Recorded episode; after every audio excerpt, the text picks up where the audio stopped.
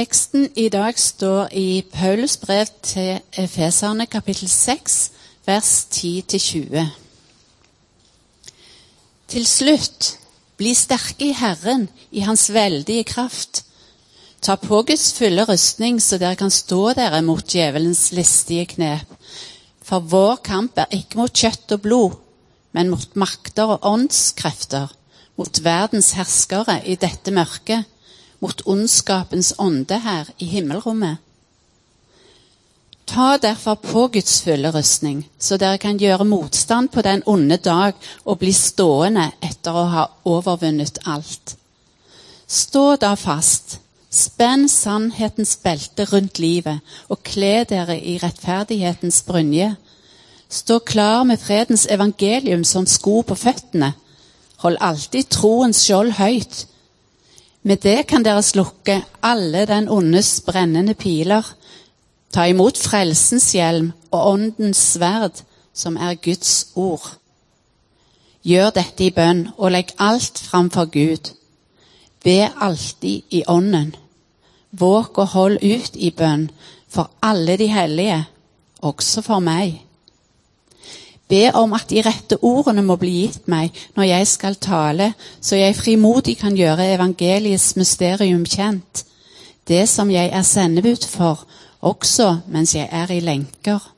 Be om at jeg ved evangeliet får frimodighet til å tale slik jeg skal.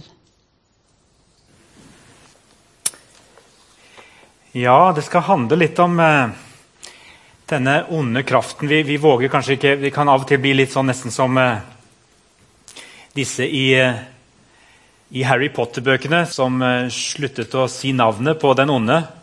Fordi de var redd for at hvis de sa navnet hans, så kunne det i seg selv gi han større styrke. Og så var det en som bare kom inn, og han heter Harry Potter, og han kalte han ved det navnet han hadde, Voldemort. Kanskje er det sånn at vi også av og til må bare gi han navn plassere han der han hører hjemme, si at han finnes. Og Det er litt det det handler om i dag. Samtidig som jeg sitter og er litt redd for at når vi tar opp dette temaet om den onde og det onde, så hører vi det på litt forskjellige måter. Og noen eh, tar det til seg og fordreier det, for det tror jeg også er noe av eh, den onde strategi. At, eh, at vi feiltolker og forstår dette på gal måte. Men vi skal snakke om det likevel. Det er nemlig sånn at eh, som kristne vi som på en måte legger Bibelen til grunn for våre liv, og en bibelsk virkelighetsoppfatning til grunn for våre liv, vi tror ikke bare på en gud, men vi tror også på en djevel. Dette er eh, en selvfølgelighet i mange andre deler av verden enn kanskje vår egen, vårt eget kontinent. Hvis vi reiser til Afrika, Latin-Amerika, store deler av Asia, så er denne ideen om åndelig krigføring og kampen mot onde krefter det er en ganske selvfølgelig del av deres virkelighetsforståelse. Den er litt mer problematisk i vår vestlige kultur. Det har en lang historie. Men det er en kjensgjerning at i vår kultur så har vi på mange måter definert mer og mer ut denne kraften, denne personlige kraften som noe utenfor oss selv. Og så tenker jeg at uh, vi skal ikke sette oss på den høye hest og tro at vi kan og vet så mye mer i vår del av verden. Og Samtidig så kan vi også og vet en del. Jeg tenker På samme måte som vi ikke har rett til å gi dette så liten plass som vi kanskje gjør, så er det kanskje sånn at også noen andre gir djevelen og det onde for stor plass. Jeg vil i dag forsøke i denne relativt korte gjennomgangen av det store temaet dette her, så vil jeg bare fokusere kort på tre spørsmål. Det ene er hvem kjemper vi mot? Hva kjemper vi mot? Og hvordan kjemper vi mot det? Det står her i denne kjerneteksten fra Paulus' brev til efeserne. Der tar han opp dette temaet. Da sier han noe om hvem vi kjemper mot. Vi har hørt den lest. Paulus, Apostel Paulus han sier for vår kamp er ikke mot kjøtt og blod, men mot makter og åndskrefter, mot verdens herskere i dette mørket, mot ondskapens ånde her i himmelrommet. Og Her er det akkurat som han bruker ord for liksom å bare nesten sette veldig sterkt ord på litt sånn det unemlige. Dette er sterke krefter, folkens. Dette er alvor. Kommer tilbake til det. Hva kjemper vi mot? Det står 'stå dere mot djevelens listige knep'. Så Primært er det djevelens listige knep vi kjemper mot. Og hvordan kjemper vi? Jo, ved å ta på Guds fulle rustning. Om å bruke det redskapet som Gud har gitt oss, til vår rådighet. Bruk alt sammen, og så lister Paulus opp. Først, hvem kjemper vi mot? Det er ikke sånn at ondskapen aldri får kjøtt og blod, tror jeg. Selv om han her sier, Paulus sier tydelig at uh, vi har ikke en kamp mot kjøtt og blod. Det er jo ikke sånn at uh, ondskapen aldri kommer i form av menneskeskikkelse. Her har vi en mann, Paulus, som har forholdt seg til mennesker som har forsøkt å steine ham, som har satt ham i fengsel for sin tro. Han har forholdt seg til motstand på mange forskjellige måter i form av mennesker. Og det er ikke sånn at Paulus nå bare snakker om dette som luftige krefter i himmelrommet. Men det han gjør her, tror jeg, det er at han understreker at det ikke først og fremst er mennesker som er våre motstandere. Menneskene de er redskapet for noe som er større enn mennesket selv. De kan være redskaper for noe godt som er større enn dem selv, og de kan være redskap for noe ondt som er større enn dem selv. Og Når ondskapen får menneskelig form, f.eks. gjennom krig og voldshandlinger, Gjennom grådighet, rasisme, kriminalitet, undertrykkelse, maktovergrep. Ja, så deltar de menneskene som er i dette Vi, for mange av oss, er en del av også dette. Vi deltar da i noe som er større enn oss selv. Som er mer enn bare menneskelig, mer enn bare naturlig.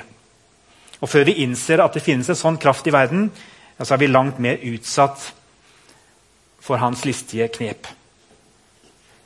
Her i den moderne vestlige verden så har vi åpenbart problemer med denne tankegangen. For det moderne vestlige tankesettet det har følgende hovedteori. Alt mellom himmel og jord har en naturlig årsak. Alt har en vitenskapelig forklaring. Vi har bare ikke funnet den enda. Dermed vil alltid kriminalitet, rasisme, vold og overgrep på et eller annet vis spores tilbake til en helt naturlig forklaring. Og Hvilke årsaker vil man ofte finne? Jo, Man vil finne psykologiske faktorer. Det handler om oppveksten, det handler om bagasjen vi har med oss hjemmefra. Eller vi kan snakke om samfunnsmessige faktorer. At det er et dårlig sosialt system.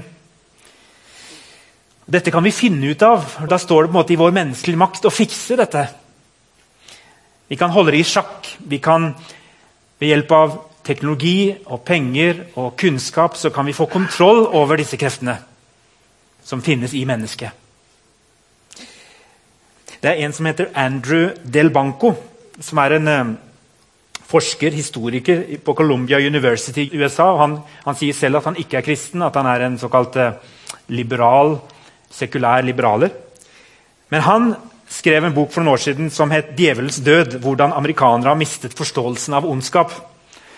Og Da snakker han om alvoret i at vi i den vestlige del av verden ikke lenger aksepterer tanken om en overnaturlig ondskap. Det er interessant at han, han, snakker om dette uten at han vil ta en gud med inn i sin tankegang. Men det er interessant at en sekulær historiker påpeker dette. Og hva sier han? Vi liker ikke engang ordet ondskap i vår del av verden. Det handler for mye om verdier og moral. sier han. Det er lettere å forklare alt ut fra medisinsk terminologi dysfunksjonalitet, patologi. Men etter hvert som tida går, sier han, så er det vanskeligere og vanskeligere å få dette til å gå opp.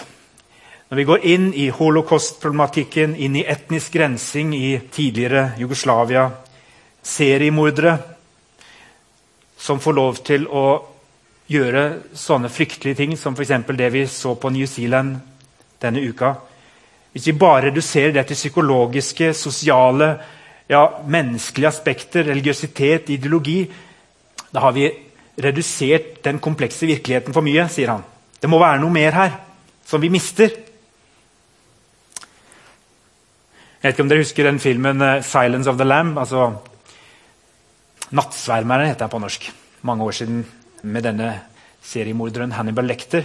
Han eh, har samtale med etterforsker Starling. Og så har hun veldig behov med sin psykiatriske bakgrunn så har hun veldig behov for å prøve å finne ut hvorfor han er blitt slik. og Hun lar den setningen falle. Jeg tror ikke det er ment å høres av han, men på et eller annet tidspunkt så sier hva skjedde med, med han som gjorde han slik? Og Da svarer han ingenting skjedde med meg. Jeg skjedde. I happened. Og Så anklager han hennes ønske om å prøve å forklare alt psykologisk og finne årsaksfaktorer i livet hans. Ikke at ikke de fantes, men jeg tror på en måte filmen prøver å få fram noe om at han var også et produkt av de valg han hadde, og kanskje også krefter som har virket på han. I happened. Det skal ikke alltid reduseres til noe som kan på en måte forklares i min egen oppvekst. Moderne mennesker fortsetter han her, De Banco, kan ikke svare på det store spørsmålet. De forsøker å løse alt ved å bli siviliserte. Hvis vi bare får nok kunnskap, så skal djevelen bli borte. Hvis vi får den rette ideologien til å styre samfunnet vårt, så prøver man seg med nazisme, marxisme, kapitalisme. og Alle disse forskjellige ismene de nedskriver på mange måter virkeligheten til bare psykologiske og sosiologiske faktorer. Men Bibelen, da? Hva sier den? Helt kort fortalt så sier Bibelen at eh, godt og ondt kommer fra skapningene. Og at Gud skapte både mennesker og engler i tidenes morgen. Noen av englene de falt ved sin frie vilje. Både engler og mennesker ble skapt med fri vilje. og Noen av englene falt. Og De falne englene, nemlig djevelen og hans ånde her, de er personlige, overnaturlige vesener som er en del av kosmos som Gud har skapt. Og så er det menneskene som Gud også har skapt. Menneskene de vendte seg også vekk fra Gud med sin frie vilje gjennom syndefallet, og dermed er synd og ondskap også på en måte flyttet inn er til stede i vårt hjerte. En del av det å være menneske. Enten vi vil tro det eller ikke, så er det en del av den realitetsforståelsen som den kristne tro har. Så har vi fortsatt spor etter Guds bilde i oss, for han har skapt oss i sitt bilde. Han ønsker å fornye oss og gjenskape oss så vi blir lik han. Det gjør han i Kristus Jesus. Men det er fortsatt andre krefter som kjemper med å ha herredømme i oss. Og Derfor kan kristendommen si at ja visst er det biologiske, psykologiske, sosiale faktorer som kan forme oss og være årsaksfaktorer som ligger til grunn for det som er galt i verden. Men vi glemmer så lett at det også finnes overnaturlige krefter som forsterker det som allerede er skakkjørt. Som benytter seg av det og blåser det opp og gjør det enda farligere. Det er en djevel. Det finnes åndskrefter. Og De er ikke bare der ute i det store. Det er ikke bare å gi navn til den, den store og fryktelige ondskapen som også veldig fort blir at vi flytter det ut av oss selv. Ja, Det er de helt ekstreme tilfellene. på en måte. Besettelse kan vi høre om.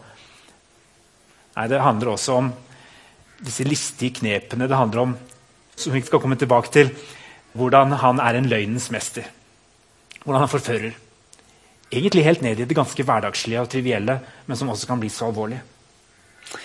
Er det mulig at ved å ikke ta inn over seg kompleksiteten i virkeligheten, så er det vi i Vesten som, som blir for enkle og naive i måten vi forstår verden på?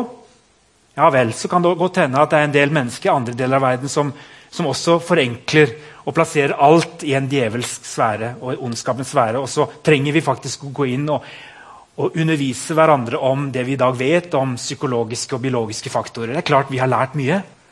Men kan det tenkes at vi i vår del av verden forenkler virkeligheten for mye? Jeg stiller det spørsmålet. Tror du på Gud? Ja, Da burde det ikke være så vanskelig å tro på hans motstykke. Men det alvorlige det er, at hvis Bibelen har rett i sitt virkelighetsbilde, da er ikke du i stand til å forsvare eller forstå deg selv på egen hånd. Du er ikke i stand til å forsvare deg mot mørket i ditt eget hjerte, i din familie, i byen og samfunnet vi er en del av. Da blir vi forført til å tro at dette kan vi fikse på egen hånd. Og Det er den store faren. Så Vi tror på Gud. Vi vender oss mot Han. Og Der ligger også tilliten og det som er løsningen. Det holder ikke med psykologi og samfunnsanalyse. Så hvem kjemper vi mot? Ja, Vi kjemper mot en personlig kraft. Ikke bare luftige, usynlige greier, men vi kjemper mot, en, mot personlige vesener. Disse demonene ledet av djevelen. Det er noe personlig her. uten at det skal gjøre oss redde. Men det det er å gi det navn. Sånn som Harry Potter sier Voldemort. Det er det han heter. Men hva kjemper vi mot? Jo, vi kjemper mot djevelens listige knep. Det ordet, det, Jeg tror det egentlig står metodia på gresk. Det er jo samme ord som vi har i metode. Djevelens metoder. Strategier. Han har altså flere virkemidler i sitt arsenal som han bruker. Han tar oss fra forskjellige kanter. Og Det er det jeg vil bruke litt tid på nå. For jeg tror dette hovedsakelig handler om to sånne grøfter som han trekker oss inn i. Enten den grøfta eller den grøfta. Det er det listigste knepet han har, strategien hans. Det er for det første at han, han vil ikke at vi skal undervurdere kreftene hans. Det er jo kraftig kost Paulus her sier mot djevelens listige knep. Han poengterer at ikke undervurder han. Han er reell, og djevelen ønsker på en måte at vi skal gi han veldig stor oppmerksomhet. Det er egentlig C.S. Lewis som sier dette. her. Han sier vi kan ha en en sunn forståelse av djevelen, og vi kan ha en usunn. Man sier den usunne, en usunn interesse for djevelen. Der vi gir han veldig mye oppmerksomhet og hauser han opp. Og da overvurderer vi han. Da gjør vi han nesten viktigere enn Gud. Og bruker så mye oppmerksomhet. Jeg har møtt på mennesker som snakker om djevelen i annenhver setning, og som ser han rundt hver sving. Og som på en måte bygger hele sin tilværelse opp i frykt og nærmest i en slags konstant grubling over hva djevelen kan gjøre i deres liv. Ja, Det er djevelens strategi. det. Å blåse seg selv opp og gjøre seg viktigere enn han er. Han forfører oss til å tro at han er den sterkeste. Men så sier også den samme C.S. Lewis at, eh, at, den andre feilen det er å, å ikke tro på disse kreftene. Det er å bare tro at det er materialisme at det er det materielle som styrer oss og leder oss. På en måte kan vi snakke både om overtro og undertro. Overtroen den leder til en form for magi. For da må vi prøve å styre disse kreftene. og så går vi inn, og Det gjør de fleste regioner. Mange regioner forsøker å holde kontroll på det onde gjennom magiske virkemidler og knep for å på en måte overliste djevelen. Det, det må de bare gi opp. Det er umulig å prøve å overliste djevelen og prøve å få kontroll over kreftene ved hjelp av magi. Men så kan vi også lide av undertro. Og Det er når vi gir han altfor liten oppmerksomhet og ikke erkjenner at han finnes. Da kan han holde på i det skjulte. I Brasil så møtte jeg på en måte litt av denne overtroen. for Der var det en god del som regnet seg som katolikker, og som trodde på, på Gud. og De trodde også kanskje på Jesus og Den hellige ånd, og de hadde også mange helgener. Og De var opptatt av å si at de var katolikker, og de gikk kanskje også i kirka. Tok imot nattvær og var en del av kristent, eh, en kristent sfære. Men for sikkerhets skyld så gikk de også i et spiritistsenter på onsdagen for å være sikre på at barna fikk den beskyttelse de trengte. Man kunne jo aldri være helt sikker. Og I spiritistsenteret så opplevde de at de hadde litt mer kontroll på disse kreftene. Så her blanda de ting sammen ut fra en, sånn, en litt sånn magisk forestillingsverden om at her gjelder det å være på lag med de riktige, gode kreftene mot det vonde. Istedenfor å hvile helt og fullt og alene på Jesus Kristus. Hva skjer når vi gjør disse tingene? her? Jo, vi reduserer det onde. Nøkkelen til å bekjempe det onde det er å ha en nyansert forståelse, ikke redusere alt til enkle forklaringer. Når vi sier at ingenting er djevelen, eller at alt er djevelen, så er begge deler en forenkling. Tim Keller han siterer en gammel britisk prest fra 1600-tallet. Richard Baxter. Han skrev om melankoli, eller det som i dag vil kalles for depresjon. Og jeg synes at Han har en tilnærming som er ganske interessant. Jeg også jobber ganske mye med den tematikken rundt depresjon. Her er det en kar i middelalderen 1600-tallet, som sier at eh, det finnes nok fire årsaker til depresjon. sier han, på hans måte å legge dette frem på. Han sier det finnes fysiske årsaker. Du trenger medisin, rett mat, hvile. Dette har med kroppen din å gjøre. Det er mulig. Det er fysiske årsaker. Det må vi finne ut av. Eller det kan være psykologiske årsaker. sier denne Baxter. Du holdes nede av ditt temperament, av din personlighet. Du drar på noe som er i din bakgrunn. Du trenger masse kjærlighet, du trenger forståelse, støtte, sier denne presten på 1600-tallet. Og så sier han det kan også hende at du er deprimert av moralske grunner. Det kan hende at du kjenner på skyld for noe du har gjort. og Du trenger å angre, du trenger å forsone deg med Gud og andre som du har gjort noe galt mot. Og Som en litt mer moderne teolog så kunne jeg legge til du kan være offer for noe andre har gjort. Og istedenfor å ta dette naturlige sinnet ditt utover, så tar du det innover, og da blir det til en depresjon. Det kan være moralske årsaker til at du er der du er. Men så sier han for det fjerde kan det også være en demonisk årsak som vikler seg inn i dette. Ja, det også, sier han. Og Det synes jeg på en måte, det er sjelden du møter det i vår tid, noen som tør på faglig grunnlag å si at det kan være flere faktorer som spiller inn i hverandre. At vi ikke skal på en måte låse det i det ene eller det andre. Og derfor trenger vi å lytte til ulike veiledere. Vi trenger å ta oss tid til hjelp når vi hjelper hverandre med å finne ut av disse ulike faktorene som påvirker våre liv. Djevelen han, han har sitt navn på gresk fra ordet 'diabolos'. og Det kommer av verbet som betyr å lyge eller å sette ut falske rykter om. Og Da får vi også fram noe av essensen i hva djevelen holder på med. Kanskje litt mer sånn i det hverdagslige. Vi skal snakke litt om det. Vi har jo hørt om besettelse, vi har sett filmer, og noen har vært i kulturer. Jeg har selv vært til stede på utrivelsesseremonier på Madagaskar. Og, og, jeg klarer ikke alltid å forklare hva som skjer og ikke skjer. Og jeg tror nok at det er mange faktorer som virker sammen der også. Men Jeg skal ikke gjøre meg til dommer over hva som skjer eller ikke skjer. Men jeg tror djevelens hovedstrategi den er mye mer lunefull og hverdagslig og vanskelig å oppdage. Og den handler om dette at han lyger. Det er et bilde på det å åpne et piano.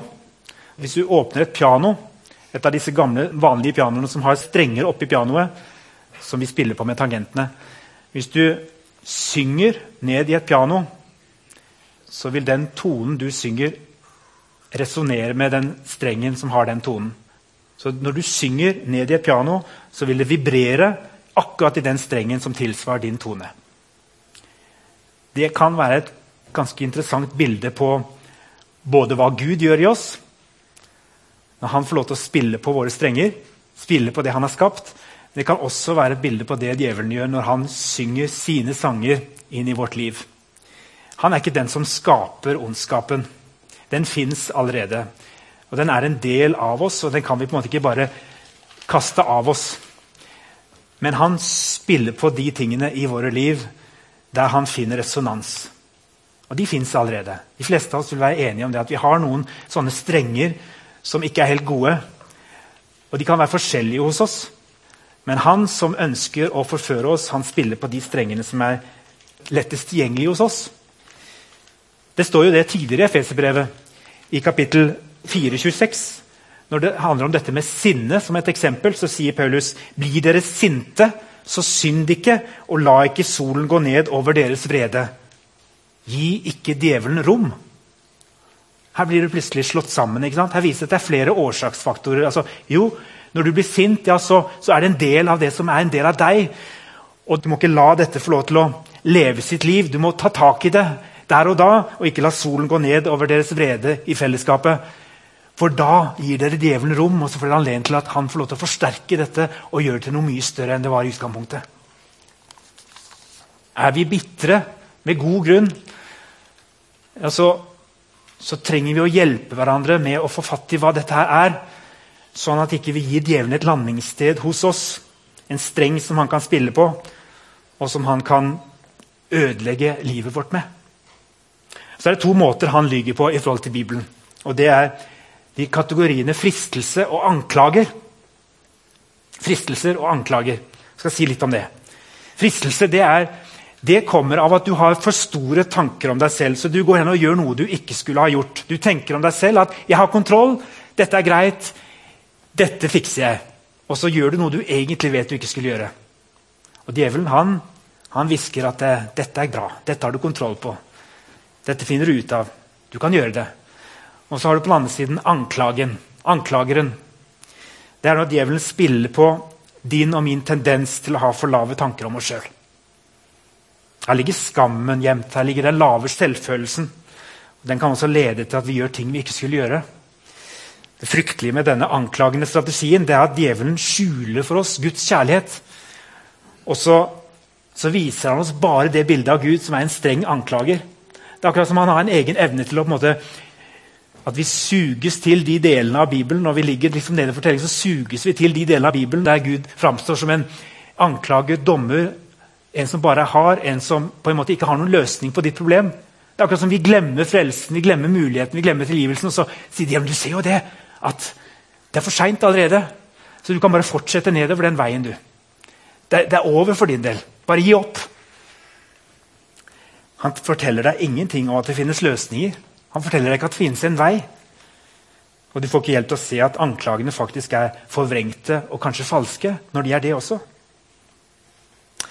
Jeg skal bare raskt gå gjennom noen sånne Dette er også fra en middelaldersteolog som har gitt noen sånne helt sånne håndfaste, typiske knep som han sier djevelen rammer oss med. Og jeg synes ofte det, det, er interessant å gå tilbake og, og, hente fram den typen litteratur. For jeg tror det er tidløst, mye av det. Og det er veldig sånn, I åndelig veiledning så er det ofte veldig sånn Det passer inn i livet vårt. Men vi, vi, bruker kanskje ikke å gi det sånne navn. Men han, han, som heter Thomas Brooks, han sier sånn Han ramser opp og sier han, djevelen han har dette knepet. For det første, Han forteller deg om den søte kløen. for min oversettelse av det, Han forteller om den søte kløen, men han sier ikke noe om den sure svin. Han, sier, han, en, han forteller om den kortsiktige gleden du vil ha ved å gjøre noe du vet er galt. Men han forteller deg ikke noe om den bundetheten og alt det som det vil føre til i det lange løp.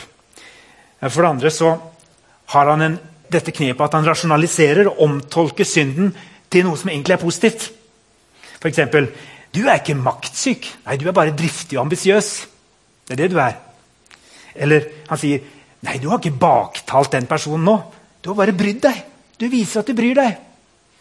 Når du egentlig vet med deg selv at det jeg nå holder på med, er jo egentlig baktalelse. Men vi kan på en måte få det til å høres ut som noe positivt. en positiv verdi. Det er djevelens strategi. Spille på lag med de strengene i oss som egentlig ikke er gode. Du er ikke en arbeidsnarkoman. Nei, du har bare en veldig høy pliktfølelse. Og For det tredje så viser han oss de kristne ledernes synder, sier denne Brooks. For da avslører han at eh, hvis de kan gjøre sånne ting, hvis de kan falle på den måten, så kan jo jeg gjøre det også. De som påstår at de er så prektige, nå ser vi hvordan de egentlig er. Og så da kan vi også. Eller ved å overbetone Guds nåde, sier han. Så du kan si 'gjør det, Gud vil tilgi deg etterpå'. Det er hans jobb. Det er også djevelens strategi. Altså for det femte, Å vise at alle de dårlige menneskene de ser ut til å komme unna med det gale de gjør. Så det er ikke noe vits i å gjøre gode ting. Altså Noen som har fulgt mennesket til alle tider. Hvordan kan det være mulig at de har suksess jeg som gjør alt det riktige i livet, og så ser du på de andre her. Det ser vi i Salmenes bok. De gudløse, Herre, de lar du komme gjennom med så mye suksess. Hvorfor lar du det skje? Det lønner seg jo ikke å følge reglene. Det siste jeg vil si noe om, det er denne setningen som går igjen en del hos oss, og som jeg til og med bruker en del sjøl uten å være klar over det. Og som jeg har oppdaget at nok er veldig ofte djevelens setning. Og Det som står på koppen min her, her står det fordi du fortjener det. Fordi du fortjener det. Hva ligger i den setningen, folkens? Jo, Det ligger egentlig begge disse tingene. Det ligger både fristelsen og det ligger anklagen. Eh, det er jo et kjent uttrykk i reklamesammenheng. Og det kan selvfølgelig handle om helt, helt uskyldige, gode ting du skal få nyte livet. Det er ikke det jeg snakker om først og fremst nå. Men jeg tror dette er fristerens yndlingssetning. Han som frister oss, hva er egentlig hans fremste kjennetegn? Jo, han spiller på de strengene i oss som egentlig er falske. Han fordreier. Jeg tror fristeren han, han uh, sier Spesielt når vi er nede for telling. Når vi er litt svake og trøtte pga. store belastninger, så spiller han på det jeg kaller for vår naturlige religiøsitet. Det som Vi er av naturen. Vi er religiøse mennesker av naturen, folkens. Men hva er den naturlige religiøsiteten? Jo, det handler om at jeg skal gjøre meg fortjent til alt. At livet handler om å gjøre tilstrekkelig gode ting som kan veie opp for alle de dårlige. Det er naturlig religiøsitet i et nøtteskall. Og så skal det forhåpentligvis bli et slags nullsumspill der vi kommer ut sånn noenlunde i balanse. Vi er ålreite mennesker, vi gjør såpass mye godt at det skal oppveie for det onde. Og Her kommer djevelen inn. Han elsker den form for religiøsitet. Da kan han si du har gjort så mye godt nå. Du er jo så god på alle mulige områder. Du fortjener dette. Slapp av. Du har jobbet så hardt og så lenge. Du har vært under press. Eller du tok frustrasjonen ut på barna dine. De har sikkert snart glemt det. Du fortjente jo en utblåsning etter alt du har vært gjennom. Alle forstår jo det. Du får lov til å slappe av litt, du også. Står det ikke i Bibelen at man skal drikke litt vin for sin dårlige mages skyld? Det er ikke farlig å drikke litt. og I de tilfellene så syns jeg du fortjener hele flaska. Etter alt du har gått gjennom i det siste. Fordi du fortjener det. Vi vet alle at det er mye du ikke har godt av. At helsa di egentlig ikke tåler så mye av den maten. Men, men nå har du vært flink så lenge. Ta for deg nå, fordi du fortjener det. Du lurer på om det ikke er så lurt at du blir så veldig personlig og åpenhjertig overfor den personen. For du har egentlig kjent på at du har følelse for han. Men dette har du kontroll på nå. At du heller skal gå hjem og bruke tid på ektefellen din. Nei, akkurat nå fortjener du en som virkelig forstår deg. Du har stått imot så lenge nå. Det er bare en time eller to. Fordi du fortjener det. Og den filmen der, det er helt uskyldig. Det må være lov å koble av litt. Ja, det er noen scener der som du kanskje under normale omstendigheter ikke har helt godt av. Men dette er ikke normale omstendigheter. Tenk så mye du har stått på. Nå trenger du noe skikkelig verdslig som kan få deg på helt andre tanker. Fordi du fortjener det. Og så kan den samme setningen for noen komme tilbake når vi virkelig ligger nede, og det ikke er fnugg igjen av kontroll og egenstolthet og opplevelsen av at vi, vi fortjener det gode. Nei, da er det en annen, en annen, stemme som kommer. Og hvordan er det den? Det er anklageren. Hva er det han sier?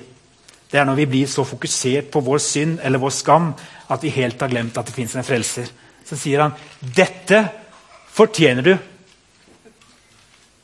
Du er ikke noe bedre enn dette, du. Du er egentlig et håpløst tilfelle. At du graver deg lenger ned i dine egne uvaner og i din egen dårlige livsstil, det er bare en følge av alt det du har gjort tidligere. Du får som fortjent. Ja, til og med sykdommen du har, har du fått som fortjent. Det er som man sår, man høster. Ja, For djevelen han kan også Bibelen. Og han vet å bruke akkurat de bibelversene som kan trykke oss ned og fordreie og, holde skjult de andre stedene i Bibelen. For deg er det bare å gi seg hen. Det er for seint. Du kan bare fortsette nedover den veien. Du fortjener det. Og for all del, ikke snakk med noen om dette her. La det være i mørket. Du har deg selv å takke, og nå får du bare leve sånn som dette her er. Det er ingen måte å snu på. Du fortjener det livet du har fått. Det er best å holde de tunge tankene og skammen skjult. Folkens, vi trenger å gi hverandre oppmuntringer og komplimenter minst tre oppmuntringer for hver kritiske bemerkning. ikke sant? Det pleier vi å si til barna våre eller når vi skal på en måte gi dem noen gode råd. Og Det er det samme med syndene våre. Har vi blikket vårt festet en stund på noe vi ikke får til, noe som er vår svakhet, da må vi ha blikket ekstra godt og lenge festet på Jesus. Og ikke blikket festet på han som hvisker og forteller oss at du får som fortjent. For hva er det, hva er det det handler om når han som snakker om Guds fulle rustning, snakker om å ha evangeliets sko på føttene som beredskap. Han forteller om mye annet også, men, men hva handler dette med evangeliets sko på føttene om? Jo, det handler om at vi fester blikket på Han som har gjort opp for oss, og at vi får en rett forståelse av evangeliet. Nemlig hva Jesus gjorde for oss på korset ved sin døde oppstandelse. Hva er en rett forståelse av evangeliet? Og hvordan kan det bli sko på føttene som gir oss en beredskap og I den ligger også vår tro, som, som vi holder opp som et skjold. Og det er det viktigste vi også finner i Guds ord, som vi bruker som vårt sverd. Det er å få med seg at han har gjort opp for alt det vonde i livet vårt, og at det er sant at det trengtes å gjøres opp for. At vi ikke kunne ha klart det på egen hånd. Og så er det å vite seg selv frelst, ikke for alt vi har gjort, og ikke fordi vi har forbedret oss i siste uka, ikke fordi vi fortjener verken det gode eller vonde, men fordi vi bare av nåde vender oss tilbake til den Jesus Kristus som har tatt imot oss en gang, og som fortsetter å ta imot oss. Djevelen elsker å få oss til å tro at det er Gud som straffer oss i dette livet. Han vrir om på våre gudsbilder. Han spiller på våre svake strenger. Men du kan velge å lytte til han som synger om det han har gjort, og at han er sterkere enn den onde. Dette er ikke et nullsumspill eller dette er ikke en kamp mellom to like sterke krefter. Det er løgneren som sier det. I alfaserien vår brukes et bilde som kanskje et lite stykke på vei beskriver det som er situasjonen i dag. De bruker bilder fra den andre verdenskrig. Om D-dagen i Normandie, da Hitlers Tyskland for første gang går på et nederlag Og da snur på en måte krigen. Egentlig har de allierte allerede vunnet, men det tar en god stund før det siste slaget står. Og så sier Alfa-serien på denne filmen at det er sånn med det Jesus har gjort på korset. D-dagen har vi bak oss. Seieren altså Det er snudd. Vi er på vei mot seier. Men den endelige frigjøringsdagen den har vi fortsatt foran oss. Vi vet at den kommer. Vi vet at han ikke har sjans, at okkupasjonsmakten har tapt. Det er fortsatt krampetrekninger her. Frigjøringsdagen har vi foran oss, vi vet den kommer. D-dagen har vi bak oss. Jeg har lyst til at eh, dere skal bare få høre til slutt en eh, alternativ oversettelse av det som vi nå leste i stad, fra Feserbrevet 6. Og det er en fri oversettelse fra min side fra The Message, Eugene Petersens bibeloversettelse. Og Han skriver sånn, og jeg synes det er noe med at av og til er det godt å få noen litt andre formuleringer og vendinger som gir en annen forståelse av de samme ordene. Gud er sterk, og han ønsker at du skal være sterk. Så ta da alt som mesteren har gjort i stand for deg. En førsteklasses rustning av de beste materialer. Ta den i bruk så du er i stand til å stå opp mot alt djevelen kaster i din retning. Dette er ikke en ettermiddagstrening som vi kan gå hjem og slappe av fra om et par timer. Dette er en kamp på liv og død mot djevelen og hans engler. Helt til det er over. Vær forberedt. Du står overfor mye mer enn du kan takle på egen hånd. Ta imot all den hjelp du kan få. Hvert våpen Gud har forberedt. Sannhet, rettferdighet, fred, tro og frelse. Alt dette er mer enn ord. Lær deg å bruke dem i praksis. Du vil trenge dem gjennom hele livet. Guds ord er et uunnværlig våpen. På samme måte er bønnen helt essensiell i denne langvarige kampen. Be kontinuerlig. Be for dine brødre og søstre. Hold øynene dine åpne. Hold motet oppe i hverandre, slik at ingen blir liggende etter eller faller av. Så vil jeg be dere om å reise dere, og så skal vi be sammen en bønn som heter Sankt Patricks brynje. Som eh, dere sikkert kan finne Hvis dere trenger den, så kan jeg sende den til dere. eller dere kan finne Den Den fins i ulike utgaver på nettet. Dette er den som er oversatt av Vidar Christensen. Det er en bønn som dere kan bruke når dere ønsker å ta deres tilflukt i Guds hånd og ta på hans fulle rustning. Det er en irsk bønn som vi har fått med oss i tradisjonen vår. Og vi ber sammen. I dag spenner jeg på meg en brynje av himmelsk styrke. Solens stråler, månens skinn, ildens herlighet, vindens hastighet, havets dyp, jordens fasthet, klippens hardhet. I dag spenner jeg på meg en brynje av Guds kraft.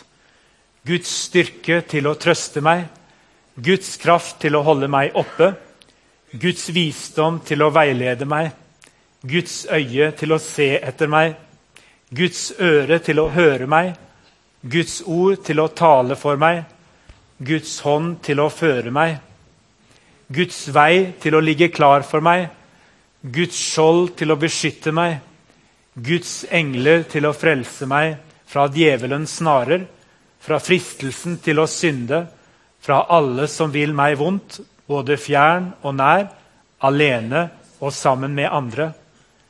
Må Kristus vokte meg i dag fra gift og ild, fra å drukne eller bli såret, så mitt oppdrag kan bære frukt i overflod.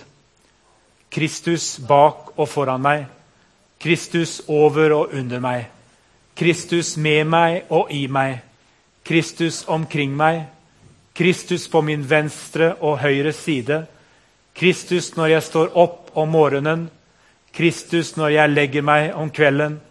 Kristus i hvert hjerte som tenker på meg. Kristus i hver munn som snakker om meg. Kristus i hvert øye som ser meg. Kristus i hvert øre som hører meg.